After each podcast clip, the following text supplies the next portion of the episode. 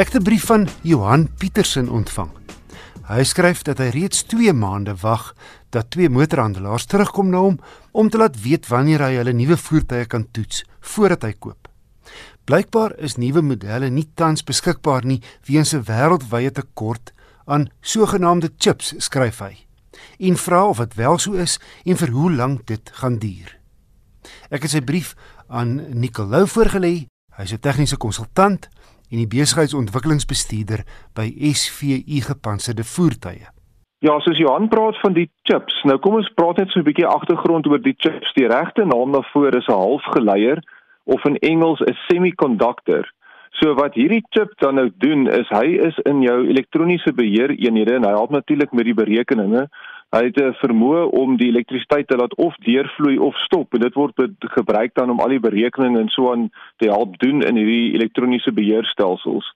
Nou dit affekteer nie net die karbedryf nie, selfs as ons kyk na selfoonmodelle of ons kyk selfs na hierdie uh speletjie kontroles so byvoorbeeld PlayStation, daar's 'n groot probleem in die wêreld op die oomblik met 'n tekort aan hierdie chips soos wat Johan van praat. As ons kyk na die karwêreld, dan word hierdie um, halfgeleiers dan gebruik veral in jou veiligheidsstelsels. Soos ons kyk na jou moderne voertuie wat self kan rem, wat jy kan waarsku as jy uit die laan uit gaan, al hierdie kameras en radarstelsels wat op die voertuie is gebruik hierdie semiconductors. So daar is 'n tekort op die oomblik in die wêreld van hierdie eenhede en dit maak dat baie van die topmodelle van voertuie nie op die oomblik beskikbaar is nie. En die rede hoekom daar 'n tekort is, is nommer 1, daar was vroeg verjaar in Februarie in Texas waar NXP halfgeleiers vervaardig word op baie groot koue front en die fabriek moes toemaak. En uh, so onlangs ook in Japan was daar 'n ander halfgeleier uh, vervaardiger uh, Renesas en daar was 'n vuur gewees wat hulle fabriek afgebrand het. So weer eens nog 'n verskaffer wat nie kon lewer nie.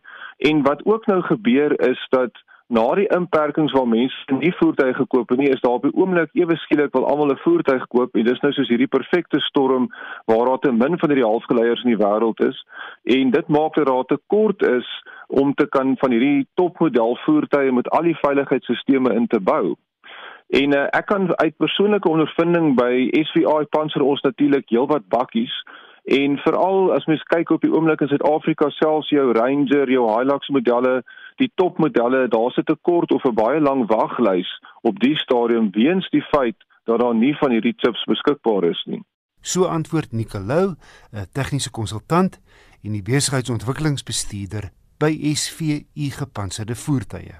En Johan, dis nie seker hoe lank die tekorte gaan duur nie. Maatskappye se skattings wissel geweldig. Byvoorbeeld, die grootste vervaardiger van mikroskyfies sê 'n maand, terwyl IBM sê dit kan 'n paar jaar neem omdat die vraag hoog gaan bly en so baie produkte van hierdie mikroskyfies gebruik maak. Stuur gerus enige motornavraag na my. My e-posadres is wissel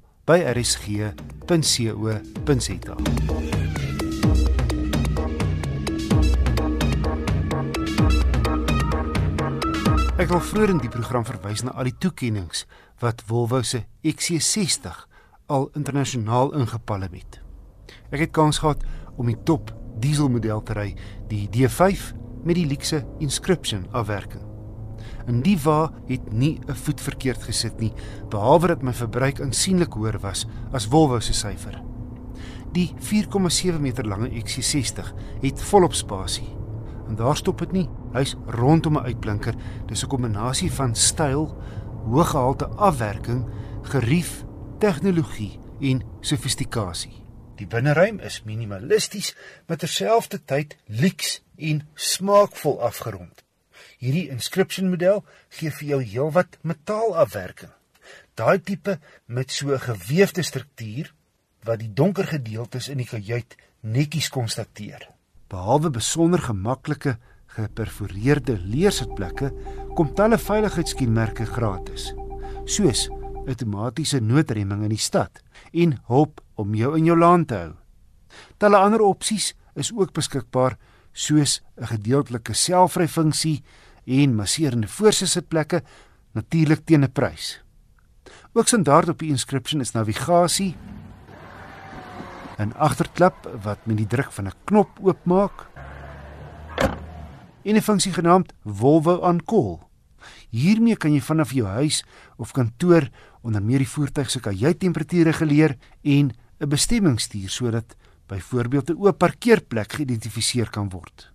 Volvo on Call stuur ook inligting soos hoe ver jy nog op jou tank kan ry na jou foon en in 'n noodgeval druk jy net 'n knop agter die triespieël om hulp te ontbied. Die D5 kom met 'n 2 liter turbo diesel wat 'n gesonde 173 kW en 480 Nm uitskop, gekoppel aan 'n gladde 8-spoed outomaties.